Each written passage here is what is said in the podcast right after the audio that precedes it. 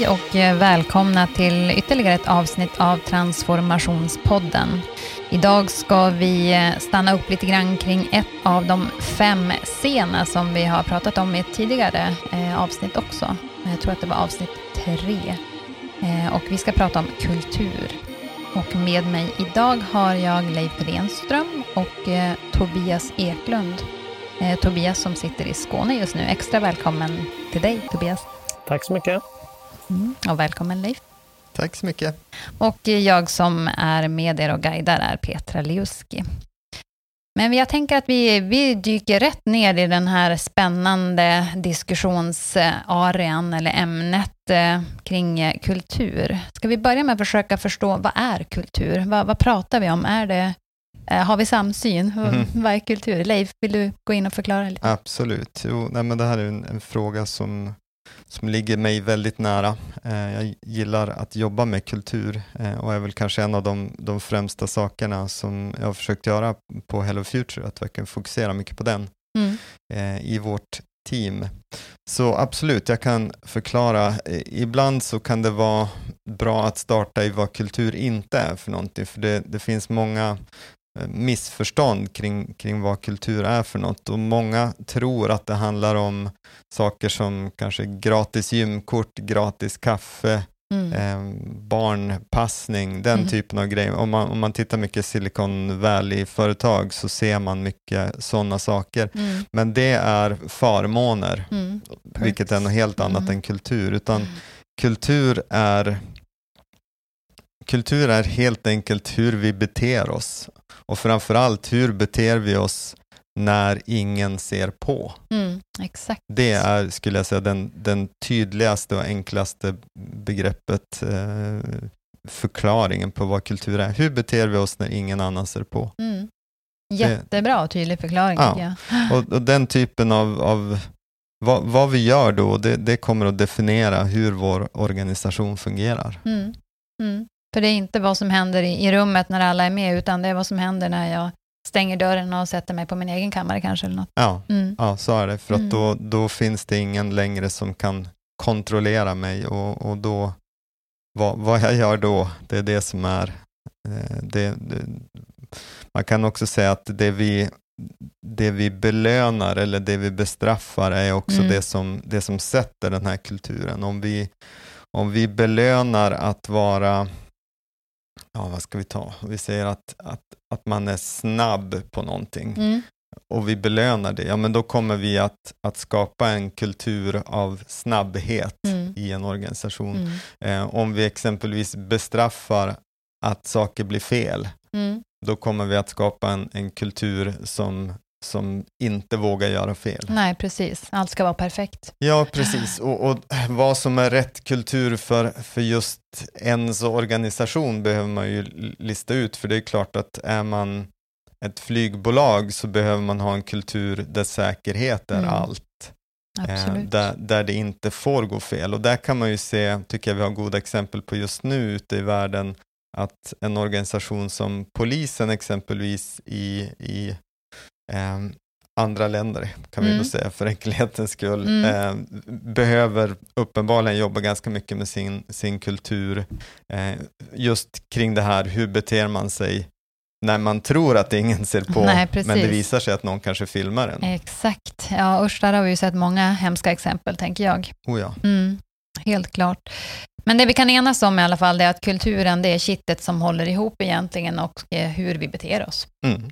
Eh, lite, lite kortfattat. Eh, och den här kulturen har vi ju jobbat med länge i många organisationer. Det är många organisationer som inom offentlig sektor framförallt som har funnits i oherrans många år. Så det är djupt rotade tankebanor och, och mönster och beteenden vi har. Tobias, eh, jag tänker så här, du, du har ju träffat ganska många kunder nu senaste tiden i våra utbildningar bland annat. Eh, märker du av att man eh, är frustrerad eller är man positiv kring vad man har för kultur eller hur, vad är tankebanorna och dialogen? För det första så märker man att det här är någonting som, som intresserar de vi pratar med väldigt mycket för att mm. jag tror att det finns en genomgående analys hos väldigt många att kulturen i de organisationerna som vår målgrupp jobbar med, de vi jobbar med, jobbar i, där är mm. kulturen ett problem utifrån det uppdrag som de här personerna har att lösa, eh, vilket ofta mm. handlar så att säga, om, om digitalisering. Och tillbaka till liksom att, att jobba snabb, snabbfotat eh, och utforskande. Där då kulturen i organisationerna är precis tvärtom. Den är förvaltande, den, den så att säga, man uppmuntrar försiktighet, eh, man uppmuntrar mm. att saker och ting går, går långsamt. Vilket ju är, det är ju, histori, det är ju historiken, det är ju därifrån man kommer, förvaltande organisationer. Men i mm. dagsläget och särskilt för den här gruppen med människor så, så blir det ett genuint problem. För de, de märker att de inte kan lösa sina uppgifter på det sätt de skulle vilja lösa uppgifterna. Mm, just det. Så det finns alltså ett, eh, en, en, ett skav, kan man väl kalla det egentligen, hos många medarbetare och i många, även i ledningsgrupper och så, att man vill förändra det här. Det, det finns ett behov av förändring för att kunna göra den transformation man, man kanske vill och står mm. inför. Mm. Men varför behöver man då jobba med kulturen? Var, var kommer det här ifrån, Leif? För det första så är det väl så att all, alla har ju en kultur, oavsett om man vet om den eller inte. Eh, mm. Det finns alltid en kultur mm. i ett team, på en arbetsplats, i en organisation. Eh, och ofta finns det ju flera kulturer. Mm. Alltså kulturen på i ett arbetslag kan ju vara på det ena sättet och kulturen i ett annat arbetslag kan ju vara på det andra sättet. Mm. Särskilt om man inte har jobbat på den aktivt. Att Utan var det lite mer slentrianmässigt. Ja, mm. precis. Mm. För att man, som sagt, det finns alltid en kultur.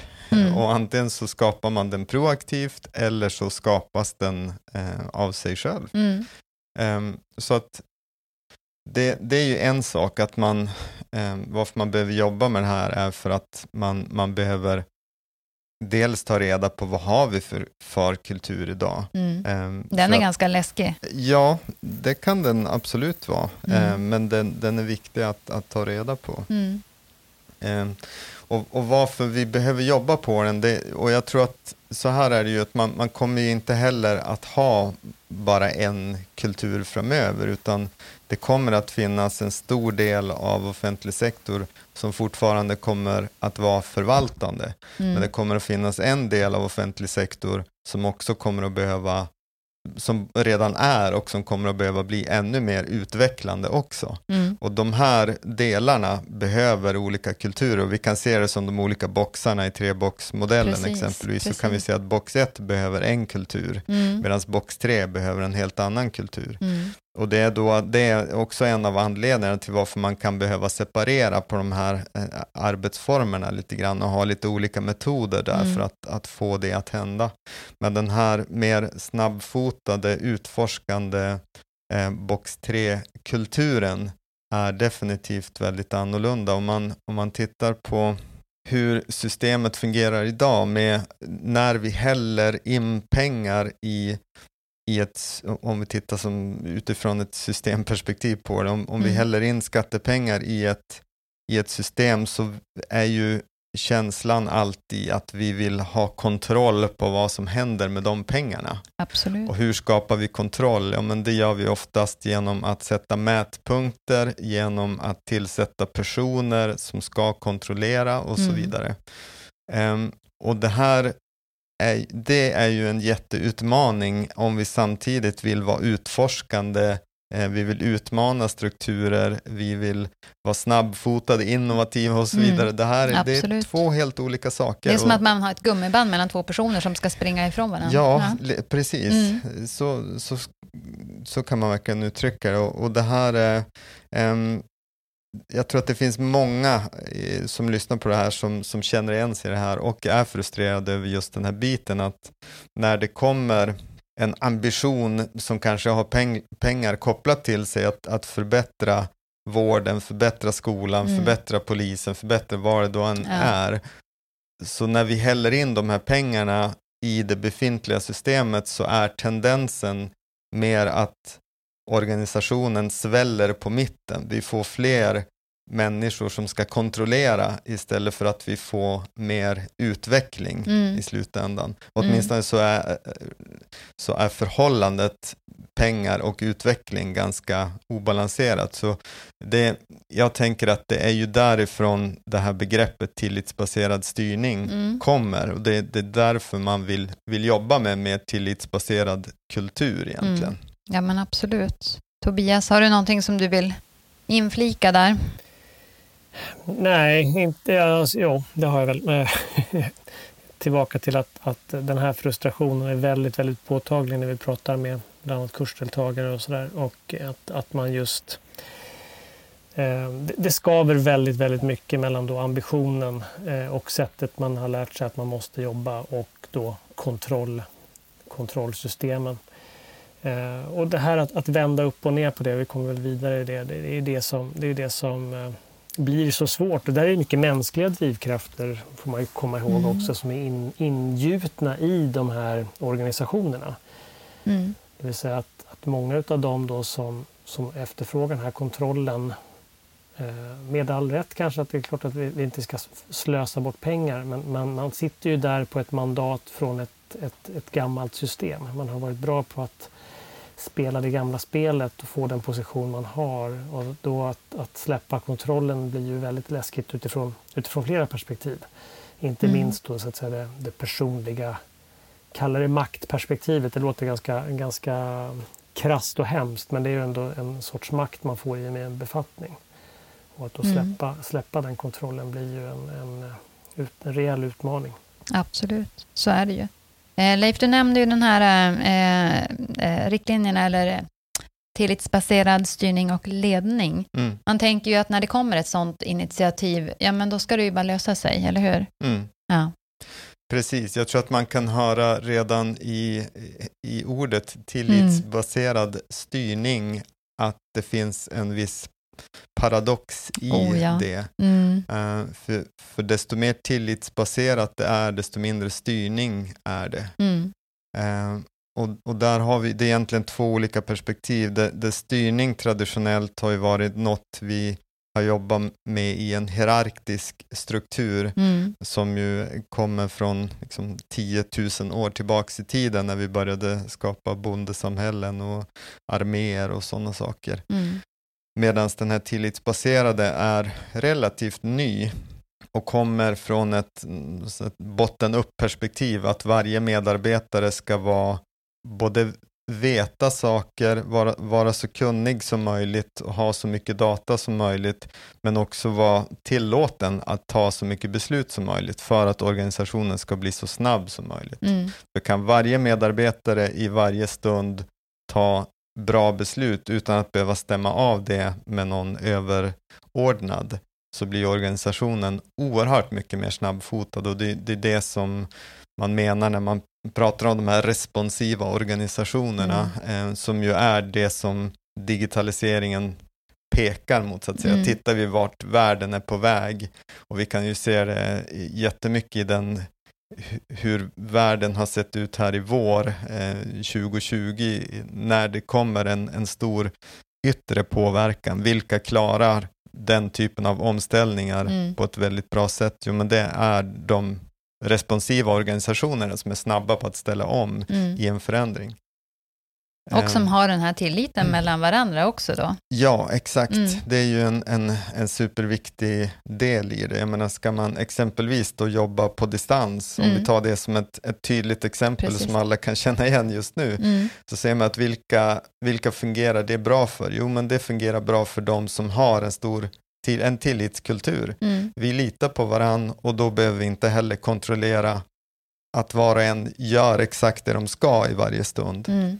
Ehm, det finns gott om exempel på, på organisationer som har verkligen försökt kontrollera sina medarbetare i de här situationerna med olika videoövervakning eller övervaka exakt vilka ja, tangenttryckningar man gör. Ja, det, mm. det, är ju en mardrömssamhälle. Mm, och vi kan ju göra det här med digitala verktyg, det mm. går ju. Mm. Eh, men det är ingen bra idé om vi vill skapa det är en bra idé om vi vill skapa de här kontrollerande mm. organisationerna, men om vi vill skapa de här tillitsbaserade så är det ju en jättedålig idé, utan då ska vi hellre jobba på det här att se till att, att vi har tillit mellan varandra, att vi litar på att eh, om jag har svårigheter så vet jag att du hjälper mig med mm. det och så vidare. Att vi, mm. vi känner liksom en ömsesidig eh, tillit till varandra.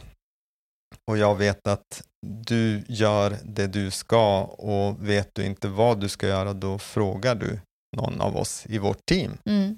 Och så löser vi det. Mm. Um, så att det, det, det, är väldigt olika sätt att, att se på hur man skapar och driver en organisation. Mm. Ja, det är ju otroligt. Och det är så komplext det här. Ja, det är det. Jag tror att det, precis, mm. det är ju hela begreppet tillitsbaserad styrning innehåller ju så oerhört mycket mer än vad det, vad det kanske gör vid första anblicken. Mm. Ja, absolut, när man börjar borra ner i det. Tobias, hade du någonting du ville inflika där? Nej, bara, bara en kort reflektion. En kollega till oss som har många vänner som jobbar på andra konsultbyråer eh, som då tittar på... Vi har ju ändå jobbat väldigt mycket med, med eh, med det här perspektivet. Uh, hur, hur, hur, bra det ändå har gått var hans reflektion kring hur vi har anpassat oss till det här, jobba på distans ifrån varandra uh, kom, jämfört med, med andra byråer som där han har vänner som jobbar som, som då haft en betydligt mer kontrollerande miljö. Mm. Uh, vilket var liksom en intressant, intressant reflektion tycker jag utifrån den miljö vi ändå befinner oss i just nu.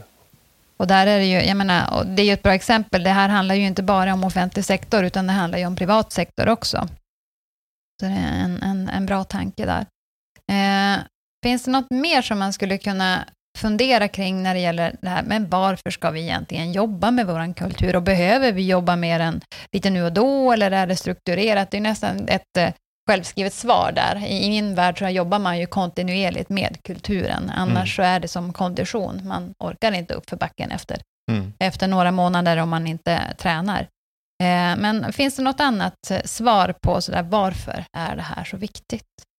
Jo, men det, det, gör det absolut. Det finns ju många perspektiv varför kulturfrågan är viktig och varför kanske just den här eh, tillitsbaserade kulturen är, är viktig. Och jag menar, om vi om vi vill backa riktigt långt så är det ju om vi är eniga om att förändringstakten i världen troligtvis aldrig mer kommer att vara så långsam som den är idag. Precis, precis. Och att den redan idag är långt mycket snabbare än vad den var för 20 år sedan. Absolut, och bara igår känns det som. Exakt, mm. jag menar om man, om man anammar det tankesättet och accepterar det tankesättet då blir det ju naturligt att okej, okay, men hur, hur ska vi då, om, om vi säger att vi tidigare kunde liksom skapa en ny tjänst, säger vi, mm. eh, som hade en livslängd på kanske 10-15 år, så kan vi ju se att vi är redan nu inne i ett läge och definitivt ännu mer på väg in i ett läge där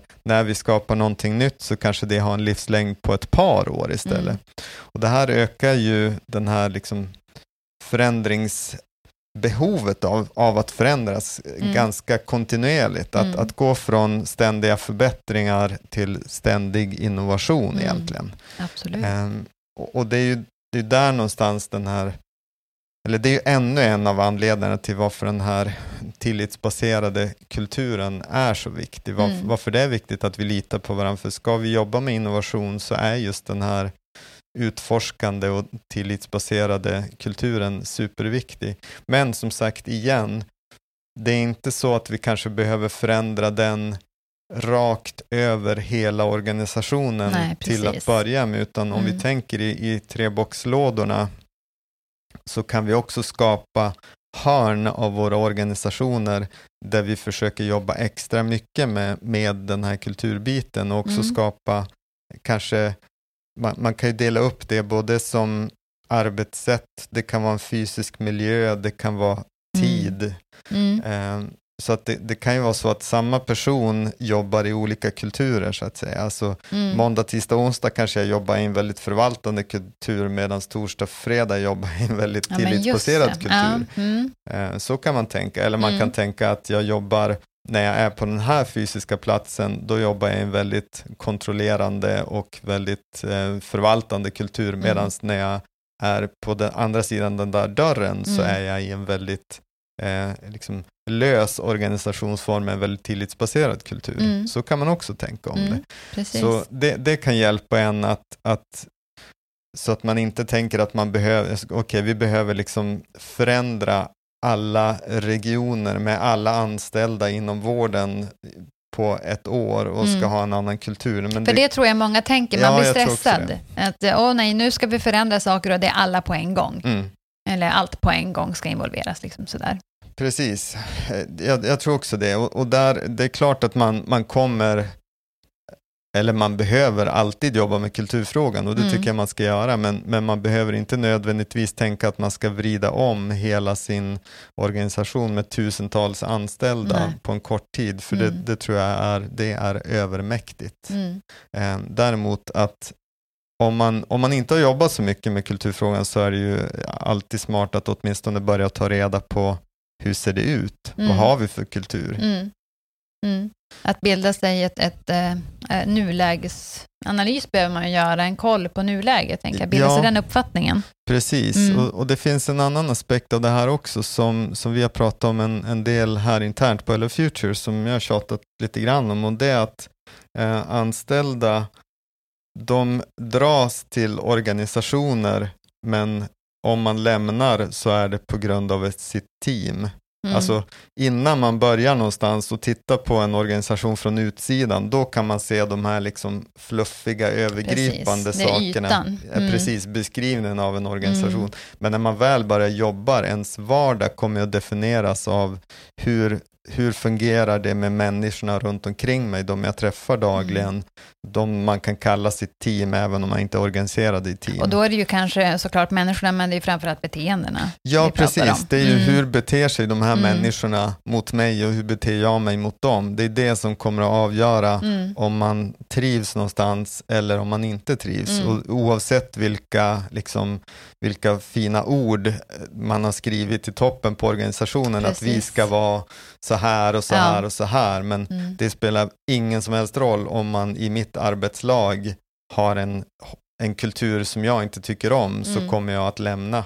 Mm. Så det, det, är viktigt tror jag, att tänka på att kulturen är ingenting som man skriver och definierar i dokument och så är det bra, utan det är liksom i varje team, arbetslag, mm. så behöver man jobba med de här frågorna, hur man beter sig och behandlar varandra i mm. vardagen. För det, det, är, det är det som är kulturen. Mm. Det här, hur beter man sig när ingen ser på? Liksom, ja, det är grejen. Varenda, varenda grej vi gör, varenda samtal vi har, mm. även internt men även externt och sånt. Vi, vi andas, lever och är vår kultur. Mm. Ett, ett, annat, ett annat perspektiv som är, är väldigt intressant och som där det, liksom sker, det sker en hel del forskning på det här nu och ni kanske har ännu mer data att komma med än vad jag kommer göra nu. Men det, är det, här, det, finns ju, det finns en mätning här för, som jag har några år på nacken nu men som visar ändå att en fjärdedel av anställda tjänstemän och så att säga, anställda i världen är så missnöjda med sin arbetsplats att de aktivt motarbetar den organisation som de jobbar för. Mm. Och ungefär, om jag kommer ihåg, så jag tror jag att det är 13 procent av de anställda i världen, i västvärlden då, som, som så att säga, trivs så pass bra på sitt jobb som att man bidrar med, med aktiv positiv energi och övriga, det vill säga då nästan 60 procent, är liksom lite meh. De bryr sig inte, utan de går till jobbet för att få sin lön. Och för att mm. offentlig sektor ska klara sitt, sin ut, liksom den utmaning de står inför, eh, jag har diskuterat med många, många personer, eh, så, så kommer det ju att krävas dels att fler vill jobba inom offentlig sektor, eh, men också mm. att man frigör den här positiva kraften som finns i, i oss människor när vi jobbar i en organisation som, där, vi, där vi uppfattar att vi liksom verkligen är del av en positiv kultur. Mm. För det ger en enorm utväxling. Eh, och det här perspektivet eh, ser vi ju nu tydliga paralleller till det här. Alltså, ju, ju mer själv självorganiserade, responsiva organisationerna blir, desto det verkar ju finnas en korrelation med att vi som anställda och som människor inte minst eh, trivs bättre, eh, gör ett bättre jobb, ger liksom högre avkastning till, våra, till, till den organisationen som, som anställer oss för att, för att prata mm. den typen av språk. Och det här perspektivet är ju, är ju väldigt intressant eh, tycker jag och märker många, många med mig. Den, den här kraften som, som finns i att eh, jobba aktivt med den typen av kultur som vi pratar om här. Mm. Ja, det är jätteintressant. Eh, jag tänker så här, vems ansvar är det här med kultur egentligen? Leif, har du någonting att fundera kring det? Ja, det, det är ju helt klart ett, ett ledaransvar att, att vara med, att se till att kulturen utreds och definieras. Det skulle mm. jag säga är, är en ledares ansvar. Mm. Eh, men sen att, att vara med att sätta kulturen och att liksom hitta vad, vad, är det vi, eh, vad är det vi vill mot. Mm. Där behöver man ju engagera varje medarbetare och varje teammedlem och mm. alla arbetslag mm. behöver ju vara med i det mm. arbetet. Mm. För det kan ju finnas eh, vissa liksom, generella attribut i en kultur som man behöver om man tänker på en organisation som, vad ska vi ta som exempel, säg polisen, mm. finns det säkert liksom vissa generella attribut som är de samma oavsett om mm. du är polis i Sorsele eller i Göteborg. Mm, eh, oavsett vart i organisationen du jobbar. Mm. Att man ska ha respekt för lagen och så vidare. Mm. Eh, medans det säkert finns stora olikheter också om du jobbar eh, i en liten ort eh, eller om du jobbar i någon slags SWAT, nationella mm. insatsstyrkan, så, så, ja, så är det garanterat ja. finns det stora skillnader mm. där också i, i kultur. Mm. Så jag tror att det, man, man behöver se det både på ett, ett makro och ett mikroperspektiv där som ledare. Mm. Eh, att man, det finns saker som är generella för vår organisation och, och de behöver alla köpa in på. När vi rekryterar så letar vi efter de här sakerna. För mm. det är mm. också en, en viktig bit som vi inte har nämnt än, men varför jag har, har, tyckt att det varit så viktigt att definiera vår kultur på Hello Future, för mm. att det avgör ju hur jag ska jobba med rekrytering. Mm, När jag ska absolut. rekrytera till våra team, om jag inte vet vad vår kultur är och vad, vad vi vill att den ska vara, mm. så är det jättesvårt för mig att avgöra om en person är rätt eller inte för Hello Future. Jag kan ju mm. avgöra om de har skills att göra sitt jobb. Ja, det är absolut, en sak. En sak. Mm. Men skills är ju relativt enkelt att lära sig på ja. något sätt. Men mm. har jag en person som, som bidrar eh, med någonting inte önskvärt i vår kultur, mm. då det kan ju vara en betydligt mer utmanande situation. Mm. Sen kan det ju vara så att vår kultur är att det ska vara utmanande. Ja, nej, och då absolut, kan man ju vilja ja. ha väldigt många olika typer av temperament mm. och, och liksom bakgrunder. Så att det är inget som säger att alla ska vara likriktade bara för att nej, vi ska ha precis. en kultur, nej, nej, utan det, mm. det beror helt på vilken kultur mm. vi vill ha. Mm. Ja, men precis. Och sen också att kunna presentera vilken typ av kultur vi har på Hello Future mm. och höra, är det här någonting som passar dig? Ja, precis. Jag. jag brukar göra så faktiskt att jag ganska tidigt när jag pratar med en, en potentiell kandidat så, så presenterar jag vår kultur och även baksidorna med vår kultur. För ja. alla kulturer har ju liksom fördelar och nackdelar. Absolut. Ehm, mm. På Hello Future är fördelarna med vår kultur att man har en extremt stor frihet. Mm. Nackdelarna med det är att man också har ett enormt stort ansvar. Mm. Ehm, så genom att, att presentera, lägga fram det ansvaret som, som man har på sig så kan man ganska snabbt se, eller kan jag i alla fall se hur den andra personer reagerar på, det, ja, på den mm. kulturen, att bära det ansvaret. Mm. Och se, är, ryggar man undan från det så, så vet jag att okej, okay, här är kanske någon som inte naturligt mm. är en passar den kulturen, men kanske kan lära sig, kanske kan tycka mm. om det, ja, men, eh, men, det är lite längre ifrån en, en cultural fit som man brukar mm. säga, mm. Eh, rakt av. Så mm. det, det, i rekryteringssammanhang så är det oerhört viktigt att, att veta ens kultur. Mm. Ja men så är det ju. Och jag tänker när vi, om vi bollar tillbaka till det här, vems ansvar är det att jobba med kulturen? Eh, absolut, jag ser det ju som en ledningsfråga, helt klart, och ledarskapsfråga. Men jag tycker också att det, det, är upp till var och en också att bidra aktivt, jobba för en, en kultur som vi är eniga om att vi vill ha. Då. Mm. Eh, för den här passiviteten som vi har haft under många generationer, att ja men vadå, det går ju ändå inte att påverka, eller ja men det är som det är, det sitter i väggarna. Mm. Eh, den är ju på intet sätt främjande för en, eh, att bygga en, en stark och en tillåtande kultur. Nej. Så jag, jag, skulle ju säga att medarbetarna har ett väldigt, väldigt stort ansvar också. Absolut, mm. jag håller, håller helt med dig. Men det måste ju finnas en kultur där medarbetarna känner att de har det ansvaret också. Ja, alltså. mm. exakt. Mm. Ja, Men vad precis. händer om man, inte, om man inte känner det då som medarbetare? Om, om man känner att, oh, hur blev det här nu då? När man har, eh, är det så som du nämner Leif, att eh, man kanske köper in på skalet på mm. den här organisationen? Mm. Man kommer in och så märker man att det här var ju inte alls roligt och så lämnar man bara. Eh, mm. Jag tänker att det, det, måste ju finnas andra sätt. Jo, nej, men det, och det är ju där ledarskapsfrågan mm. kommer in. Alltså det, det är ju viktigt att ledare och det kan ju vara vilka ledare som helst egentligen. Jag det är utifrån väldigt många perspektiv såklart. Menar, det är utifrån ett HR-perspektiv men det är också utifrån ett organisations, eh, alltså, vad ska man säga, linjeperspektiv och så vidare. Men jag menar, man vill, det, det är kostsamt att anställa människor, mm. även i offentlig sektor, mm, inte ja, bara i privat absolut, sektor. Överallt. Utan mm. att, att anställa en person som studsar vidare för att man inte trivs i sammanhanget mm. efter sex månader, ett år. Mm. Det är ju oerhört kostsamt, så mm. det, det, vill man ju undvika. Man, mm. man vill ju hitta människor som är rätt för den kultur man, man vill ha mm. och så vill man att de ska trivas och stanna kvar och vara med och utveckla den här mm. organisationen och kulturen. Det, det är ju att vara de här engagerade, de här 13 procenten eller vad det är som den här undersökningen visar. Um, så att det, gör man det, det är den bästa besparingen eller intjäningen man kan göra som organisation. Mm. För att som sagt, det, det, kostar enormt mycket pengar att ha, att ha medarbetare som inte är engagerade och framförallt, som du nämnde Tobias, en, till och med ha en grupp som kanske till och med motarbetar ja, ens eh,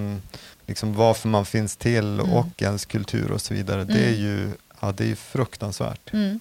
Jag tänker att det är intressant att det faktiskt finns eh, organisationer där personalomsättningen är, är, väldigt, väldigt hög och att man inte tar den signalen på större allvar, utan fortsätter som man gör. Mm. Vad, vad, skulle man kunna tänka där, om vi nu skulle vara en lite grann av en rådgivare i en sån organisation, för jag tror att det finns många sådana verksamheter. Vad skulle man kunna tänka? Tobias, får du någon, någon tanke där? Ja, jag får många tankar. Eh, jag ska, mm.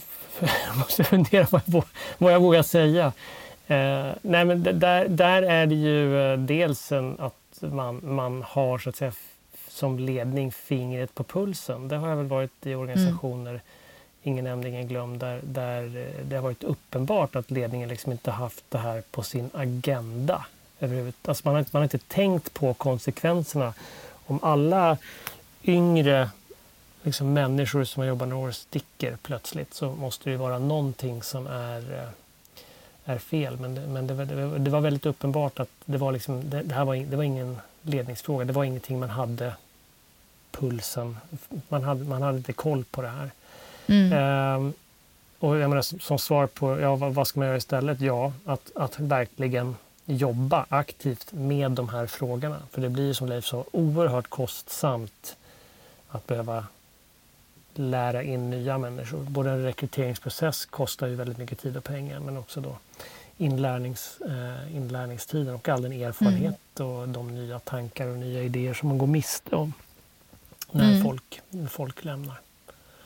Så att, ja, ännu tydligare än vad jag tror att det är i många organisationer, ha det här som en, en stående punkt på ledningsgruppens agenda. Mm.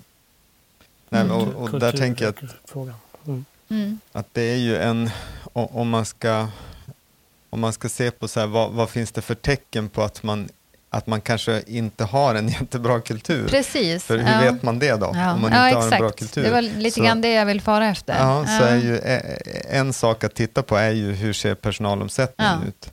Um, och en, en annan sak kan ju vara för man kan ju ha låg personalomsättning men det kan ändå vara svårt för någon ny att komma in så att säga. Ja. Mm. Eh, för att man mm. har liksom väldigt satta, så det kan ju vara någonting annat. Alltså hur, både hur ser personalomsättningen ut, men också hur hög tröskel är det för någon ny att komma in mm. i, i den här orga, organisationen, mm. teamet eller mm. arbetslaget.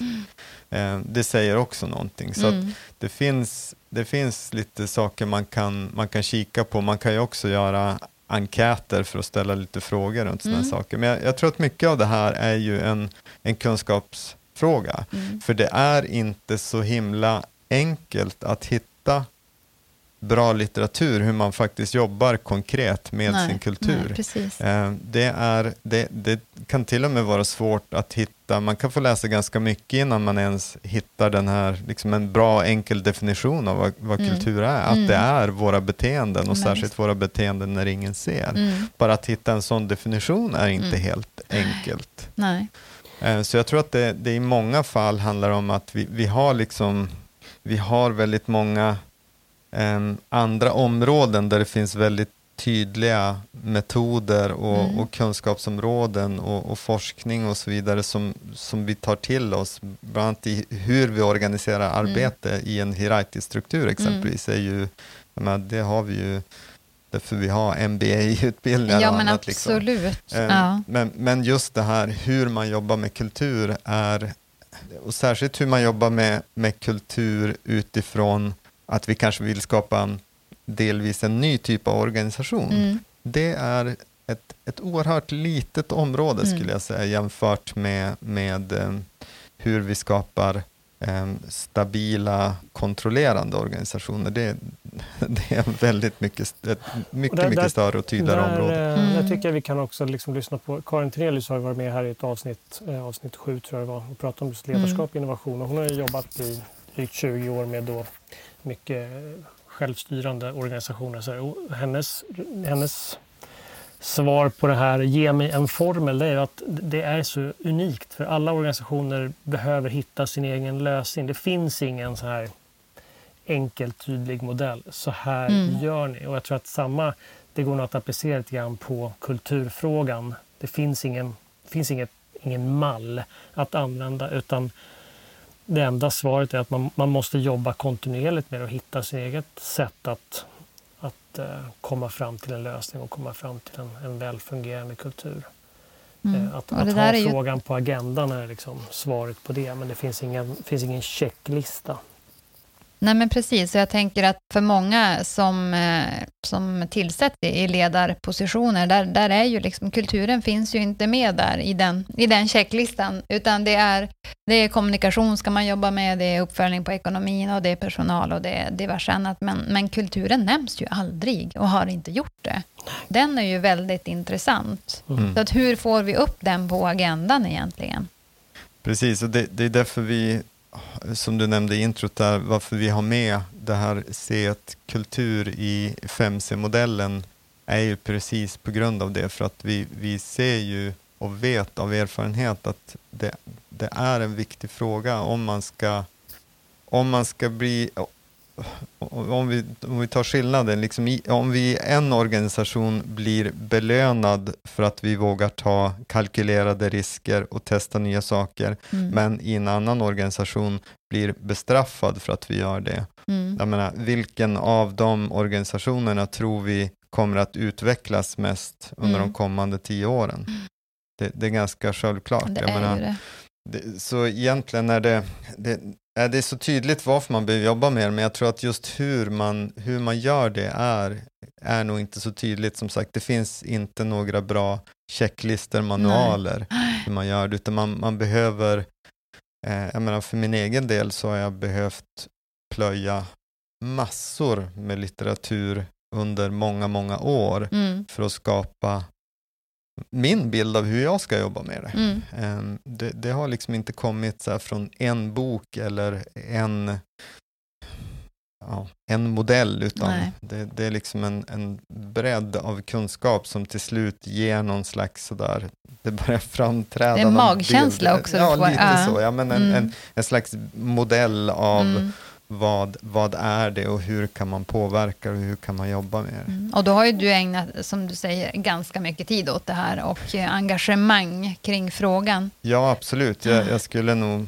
våga påstå att jag är nördigt intresserad av ämnet. Mm. Um, så att jag, jag, kan ju verkligen förstå om man inte är det, mm. uh, så, så är det betydligt svårare än vad man kan tro. Mm. Jo, men det är ju det. Det finns väl inte så mycket forskning och så vidare på det här, i mitt intryck än så länge. Men det är, liksom, det är inte så att Harvard Business Review skriver en massa artiklar om kulturperspektivet. Nej. Utan, utan eh, akademin har ju, och liksom den, särskilt den företagsekonomiska, har ju varit väldigt mycket inne i in i egentligen då låda ett som vi kallar det, alltså det liksom förvalta befintlig affärsmodell och effektivisera och optimera. Eh, där kulturperspektivet inte riktigt har adresserats. Men jag, min spaning, högst personliga, och det tror jag, jag tror att ni håller med men det är ju att det här perspektivet kommer att bli mer och mer efter, liksom forskat på och, och eh, viktigare just i och med att det verkar ju all, allting tyder ju på att det finns enorma ekonomiska fördelar av att jobba aktivt med sin kultur. Mm. Både mm. att man blir mer innovativ och, och snabbrörlig som organisation men också då rent krasst det, det, det ekonomiska perspektivet av att, att uh, inte ha hög personalomsättning och att ha mm. liksom, glada, nöjda medarbetare. Så det ska bli intressant mm. att följa forskningen här de närmsta åren och, och se vad, vad som faktiskt händer. Absolut. Mm. Mm. Ja, men, och jag skulle nog säga att det, det finns forskning på det och det finns um, ehm, HBR-artiklar och annat, men, men det kan vara ganska svårt att känna igen det. Mm. För att ofta kommer det utifrån, eh, alltså ofta ser man liksom resultatet av det. Man, man ser mm eh, hur en kultur ser ut som är annorlunda än, än ens egen. Mm. Och då kanske man inte känner igen sig i det, att Nej, det här precis. är inte våran kultur. Mm. Nej, därför att det här kanske är eran kultur om tio år. Mm. Eh, utan det man behöver titta på då är ju hur har de här organisationerna jobbat med sin kultur? Mm. Hur, kan man, hur kan man ha en organisation där vem som helst i organisationen har ett sånt förtroende att man får anställa annan personal. Mm. Alltså hur gör man det? Hur mm. kommer man till en sån punkt? Mm. För det hur, finns ju sådana. Ja, det ja. gör det. Det mm. finns, det finns eh, gott om exempel att mm. ta i, men det finns exempel. Ja. Eh, mm. det finns också eh, många organisationer som har totalt transparenta löner, alltså där, där man till och med... Men man med, lönesätter varandra ja, också. man lönesätter varandra. Eh, och man kanske till och med säger att jag skulle vilja ha den här lönen och sen har man ett par kollegor som, som man förhandlar med om, mm. om det är rimligt och ganska ofta förhandlas det upp av ens kollegor mm. för att man nedvärderar sin egen mm. kunskap. Mm. Ja, det är eh, jätteintressant. Precis, mm. och, och då, jag menar, det jag tänker är att man kanske inte känner igen sig i Nej, en sån kultur precis. och tänker att men det är inte för oss på mm. liksom, eh, region någon mm. Nej, precis. Nej. Men, men det som är viktigt är ju hur har de här kommit fram mm. till att bli så här avancerade rent kulturmässigt? Mm. Vad, vad var det för tankesätt och verktyg och arbetssätt som gjorde att, att det ledde fram hit. Mm. Jag tänker att det här är ganska liknande egentligen som att jobba med innovation, där mm. man, det är ganska enkelt att se utkomsten av innovation. Alltså mm. vi ser att nu har den här myndigheten levererat eller lanserat en ny tjänst som är innovativ mm. och så vill man kopiera den tjänsten. Men det man egentligen ska kopiera är ju arbetssättet, hur de kom fram till den här mm. grejen. Det är ju det som, det, det som är det värdefulla. Mm. Det är det som är liksom strukturkapitalet i den ja, men organisationen. Exakt. Men om det nu är så pass luddigt och lite, lite svårt i, i det man kan läsa och det finns inte så mycket utbildningar kring det här än, hur ska jag som ledare i en offentlig eh, verksamhet, hur ska jag tänka när jag känner att ja, men jag vill börja jobba med kulturen i vårt team? Det känns jätteangeläget och viktigt. Var, mm. var, kan, var ska vi börja någonstans? Um, ja, jag skulle säga att man, man ska börja i att ta reda på hur ser kulturen ut i mm. vår organisation, i våra team, mm. i våra arbetslag. Eh, och det kan man göra genom att samla en grupp människor, sen be dem beskriva positiva beteenden som de tycker i, i ens omgivning, i sitt team. Mm, alltså vad finns, det för, mm, precis, vad finns det för positiva beteenden som jag vill se mer av? Mm. Det, det är en sak. Sen kan man göra en övning till på det som är vilka negativa beteenden mm. ser jag i, i vår grupp som jag vill se mindre av. Mm.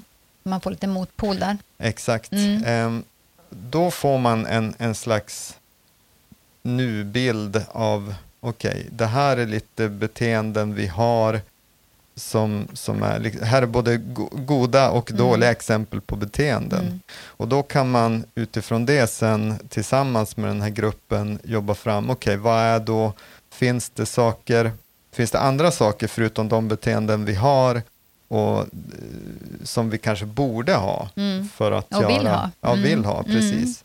Um, och som kanske förhoppningsvis går i linje med liksom vad, vad vi står, som, mm. står för som organisation. Mm. Alltså, jag menar, är, det, är man en vårdorganisation så, så bör man ju på något sätt stå för någonting empatiskt och mm. omvårdande och så vidare. Ja, så att, mm. att, ha någon typ av kalkylerande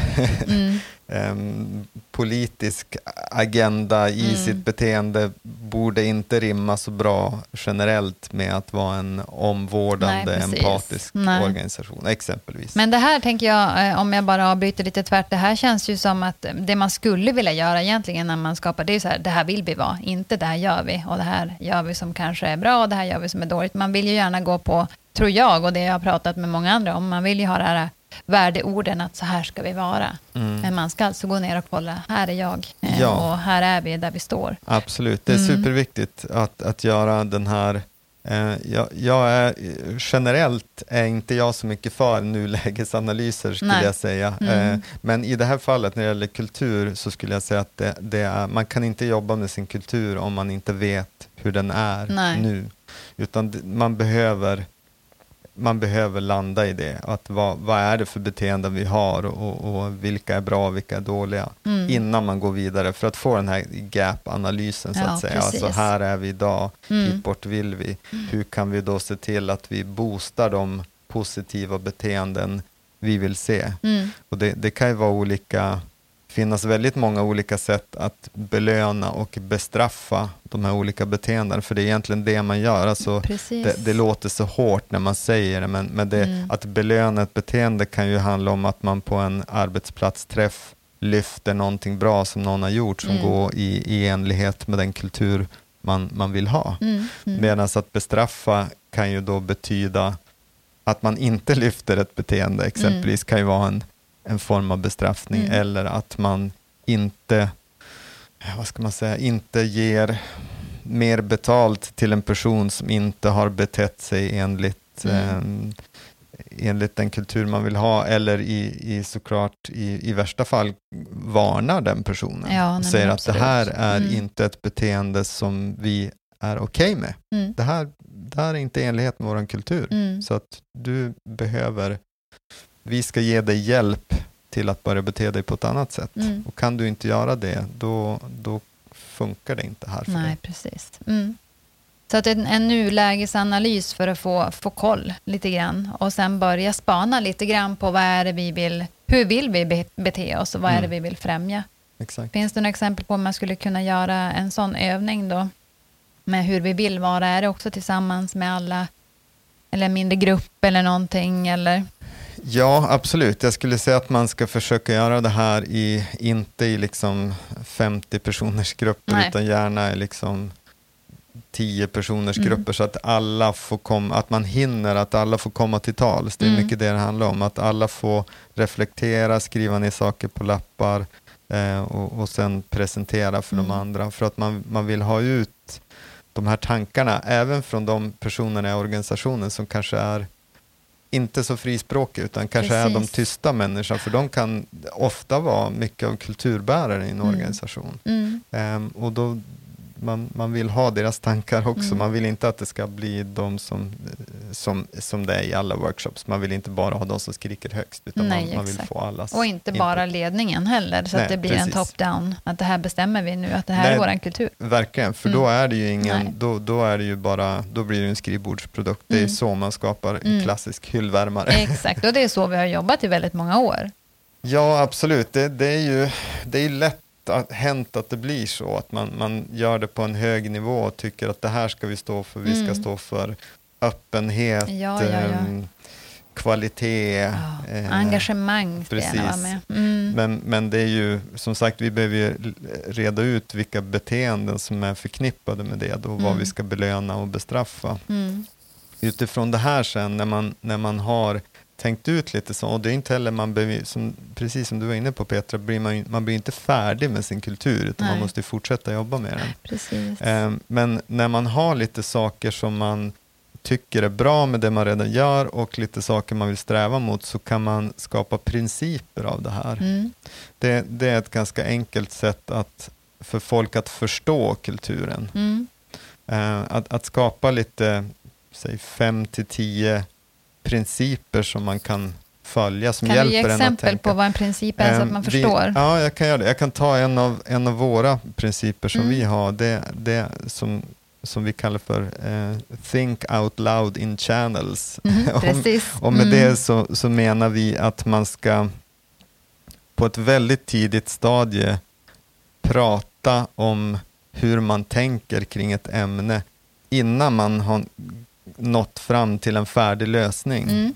För att gör man det så inbjuder man till input från andra och det blir en kollaborativ och kollektiv lösning på någonting. Mm.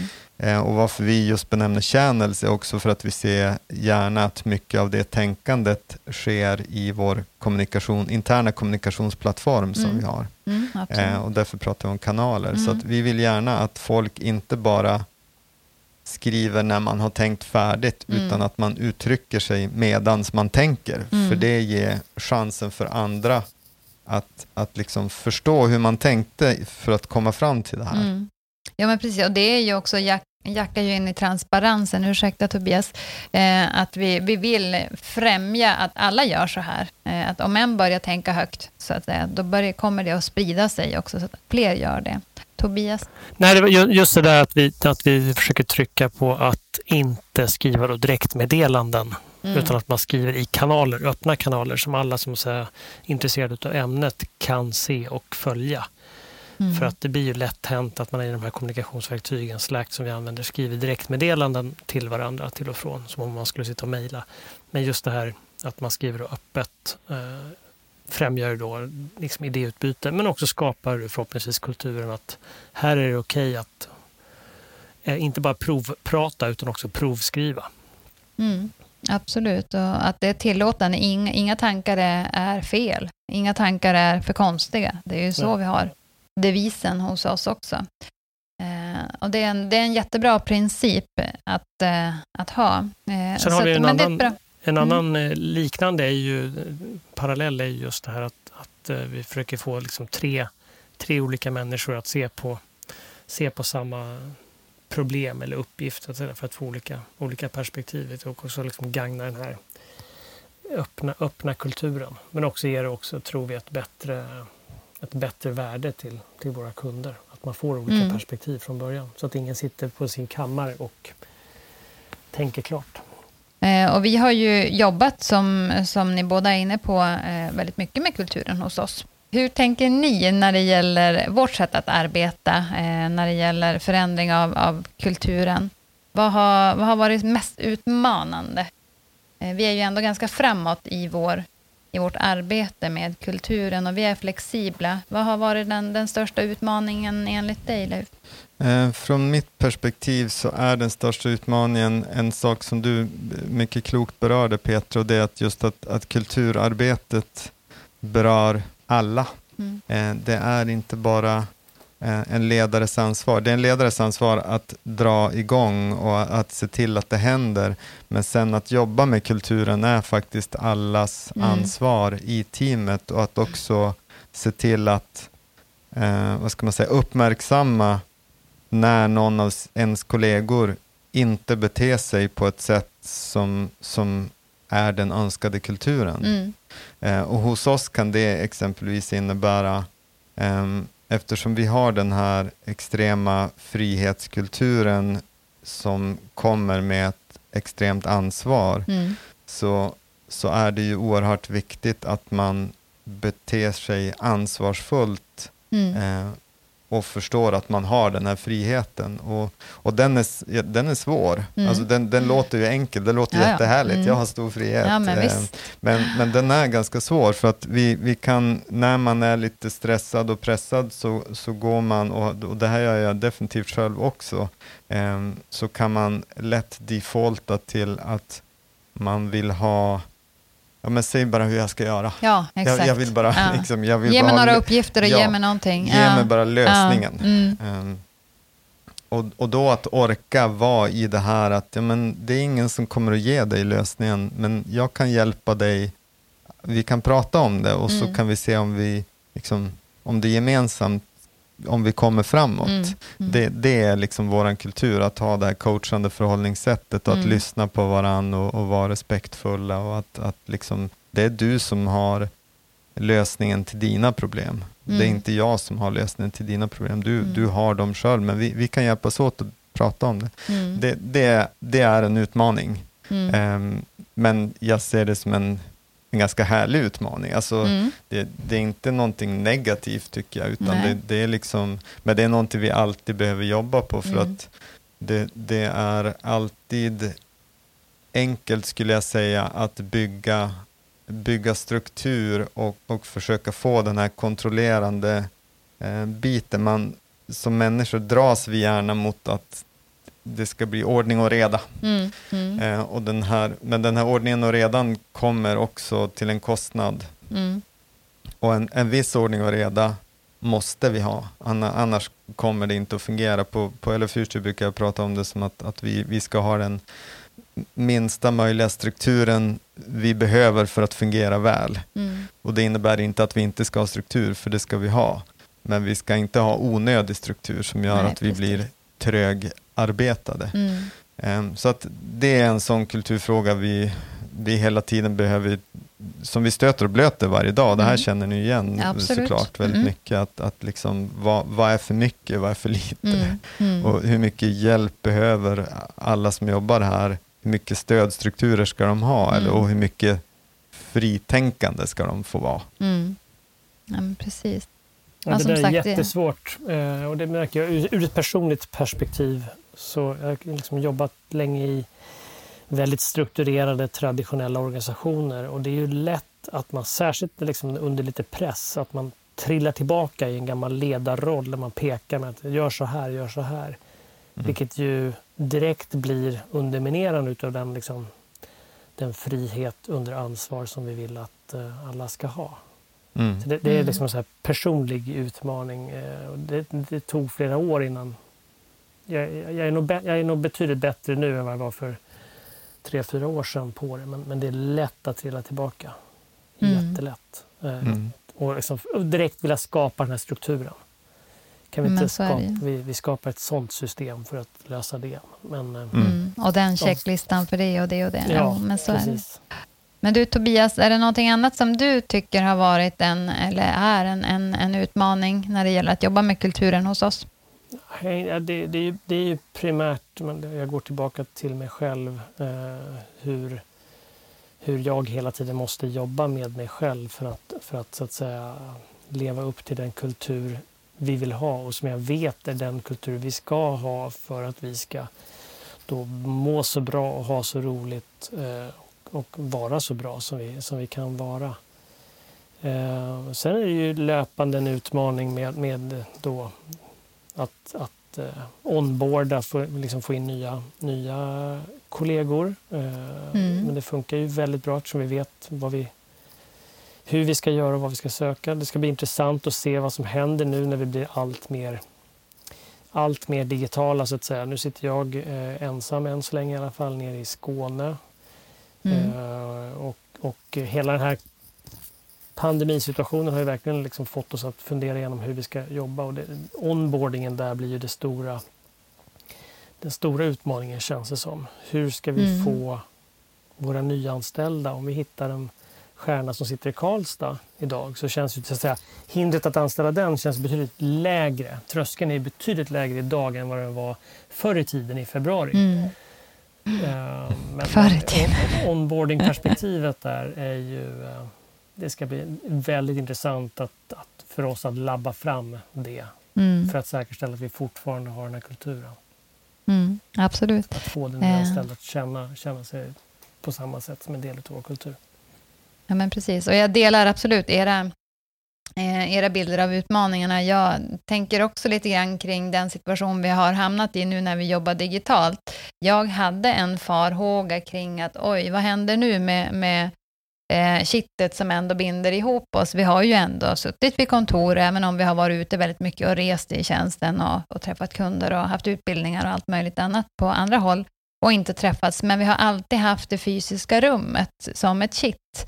Så att jag var lite ut, eh, orolig just eh, inför det här med att nu ska vi alla sitta under en lång tid enskilt. Eh, men eh, det jag har upplevt och vi alla har upplevt nu är ju att den kultur vi har byggt upp, den håller även digitalt. Eh, och det är ju fantastiskt att vara med om, att uppleva. Mm. Mm.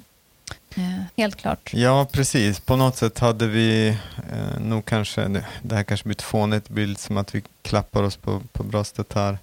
Men, men eh, på något sätt var mycket av det arbete vi hade gjort eh, var liksom var till nytta här nu ja. under den, den, situation som har varit här eh, under våren 2020 eh, med, med pandemisituationen. Mm. Så det, var, det var ju ja, väl investerade ja, pengar och tid att vi har jobbat så mycket med kulturfrågan kan mm. man väl mm. säga. Och det är ju det jag far efter lite grann också, att eh, jobbar man idogt med det här och har det på agendan, eh, pratar om det, ser till att bygga hållbar kultur oavsett eh, arbetsmiljö och format, så tänker jag att det har man igen mm. i alla typer av prövningar och med och motgångar. Eh, det här avsnittet har ju berört väldigt mycket nu vad gäller kultur. Vi har spretat lite grann från, ja men vad är kultur? Vi har pratat om varför ska man göra en förändring i kulturen för att kunna verka i en samtid som vi lever i. Och vi har också gått in lite grann på hur kan man göra och hur har vi gjort för att dela med oss lite grann av vår erfarenhet. Eh, finns det någonting som vi vill skicka med utöver det här eh, som vi kanske har glömt nämna eller någonting? Är det något ni kommer på?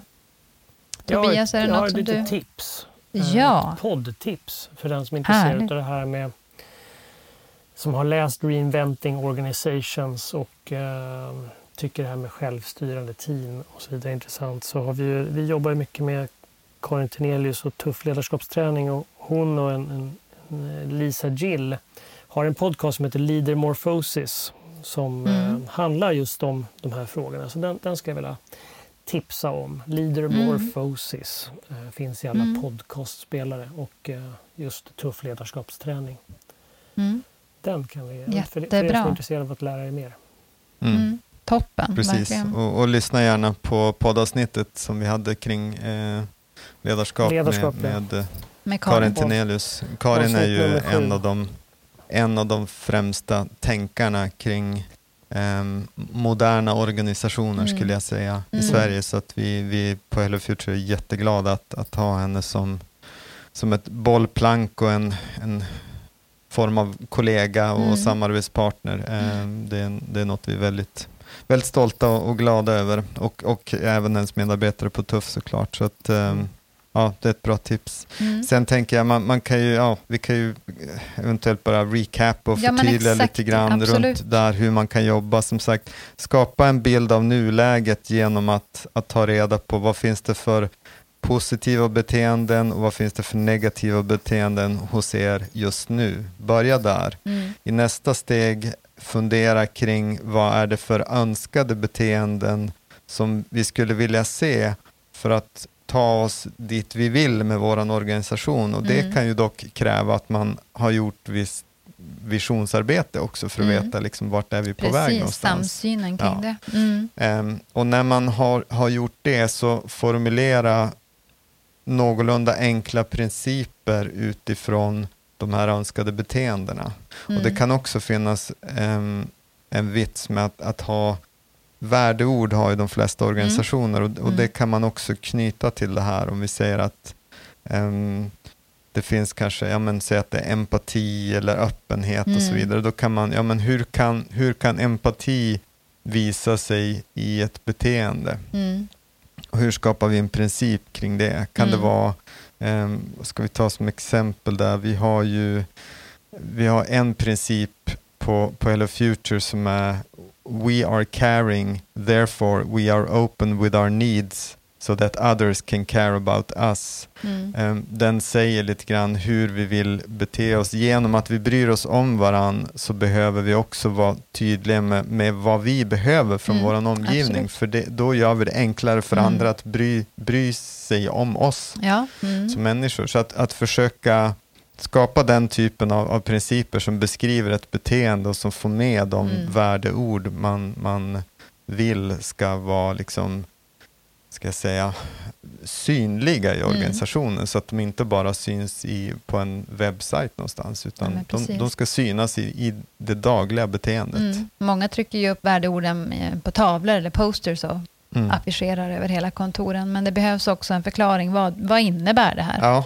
Mm. absolut. Och, och det, jag ska absolut säga att det, det är ingen dum idé att göra det, att ha värdeorden liksom tydligt eh, Mm. överallt, men, men som sagt, koppla det till vilka önskade beteenden ser vi och ge exempel på det. Vi, ett annat, någonting mer man kan göra utöver det här att skapa de här Mm. principerna är också att, att ge lite alltså case studies nästan, alltså att ge exempel på när när gjorde, en situation när någon gjorde någonting som uppfyllde det här. Ja, men precis. Ehm, Mm. Gör en, sån, en intervju med en person Mm. som berättar om när man upplevde någonting som, som uppfyllde den här principen. Mm. Så, så tydliggör man de här beteendena, vad, vad de faktiskt är för någonting Mm. i våran vardag. Eh, Så det är mycket det det handlar om, att, att sådär, definiera vad som finns, eh, definiera vad man vill ha Mm. och sen skapa så tydliga beskrivningar av de beteendena som man bara kan. Mm. Och sen jobbar med sen det jobba där. Mm. precis kontinuerligt med att, att följa upp det och se. Man kan också om man vill skapa mätningar kring sånt och så vidare, men det är kanske inte det viktiga, utan det viktiga är att, att liksom som teamlead eller ledare eller mellanchef eller förvaltningschef eller vad man då är för något, att hela tiden följa upp att de som man har omkring sig beter sig enligt de här Mm. principerna som vi har enats om. Mm. Och bekräfta det positiva. Alltså när man... Exakt, Mm. bekräfta och bestraffa. Mm. Ja, men precis. Eh, något eh, ytterligare sammanfattande medskick som du vill, eh, vill ge, Tobias, utöver tipset på, på podden? Nej, alltså vi, vi kan ju prata om hur länge, hur länge som helst om det här och det går ju ut. Det finns ju många perspektiv som vi inte har varit inne så djupt i här. Till exempel här med önskat, alltså vikten av eh, önskat framtida, en, en gemensam målbild. Eh, Mm. Där skulle vi kunna prata mycket mer. Jag tycker hela den här transparens, transparensfrågan är ju också en, en väldigt viktig förutsättning eh, och, eh, och också effekt utav liksom ett, ett eh, kulturarbete. Men det, det, det får vi ta ett annat avsnitt någon annan gång. Ja, vi kommer att ha, ha läge att återkomma till väldigt mycket kring det här, tror jag, Mm. framöver. Det här Mm. är ju någonting som vi säkerligen kommer att utforska ännu mer eh, och ännu mer utifrån att vi jobbar på, på ett annorlunda sätt, bara kanske om ett halvår eller år. Det vet vi inte, hur vi sitter och hur vi jobbar och vilken typ av kultur vi behöver, eller vilka aktiviteter vi behöver göra och andra organisationer behöver hjälp med att stärka och, och så vidare. Mm. Nej, men, och, och det är också viktigt att tänka på att det här C1 Culture är ju ett av fem C i, i våran, den här 5C-modellen, så det, de hänger ju ihop. Mm. Det går ju inte att bara jobba med det och helt strunta i commitment från ledning eller att strunta i kompassen som pekar ut riktningen Mm. eller att strunta i capabilities, Nej, vilka förmågor ska vi ha och så vidare. Alltså, det är först när man börjar jobba med alla de här Mm. bitarna som, som man börjar få en enhetlig bild som, som leder en någon- någonstans och skapar verkligen effekt. För Mm. att det är klart att jobbar man med en kultur som är tvärt emot vart man ska någonstans Mm. exempelvis, så kommer ju det inte att ge någon bra effekt. Nej, nej, nej Självklart, precis. liksom. nej. Det, det säger sig självt. Så att det, det är helt sant att man, man behöver se på det här utifrån ett, ett större perspektiv. Men, men, eh, så det är både makro och mikro helt enkelt. Mm, jo, men det är ju det. Som vanligt. Som vanligt, exakt. Och sen har ju vi pratat väldigt mycket om hur vi har jobbat nu på Hello Future och det är ju Mm. För att kunna ge lite tips om vad man kan göra även i offentlig sektor. För det här, de här eh, metoderna, det vi har gjort och, och synsättet och arbetssättet, metodiken, det är ju applicerbart i vilken organisation som helst egentligen. Absolut, mm. och, och verkligen ta, ta det från teamnivå, mm. liksom i ditt arbetslag, i ditt team, mm. starta där. Liksom det, det, finns garanterat några värdeord eller någonting mm. i, i liksom centralt i organisationen som man kan börja hänga upp det på. Mm. Ja, så att om, om det inte kommer uppifrån så tar det underifrån. Mm. Helt klart. Jag tänker att vi låter de orden avrunda det här avsnittet och jag hoppas att eh, alla lyssnare har fått med sig lite både tips och lite mer kött på benen vad gäller just det femte C, culture. Eh, tack så jättemycket Tobias för att du var med idag och delade med dig av ditt, eh, dina tankar och engagemang. Tack, tack, och tack till dig Leif. Tack Petra. Tack, Petra. Och på återhörande. Ha det bra. Hej då. Hej då.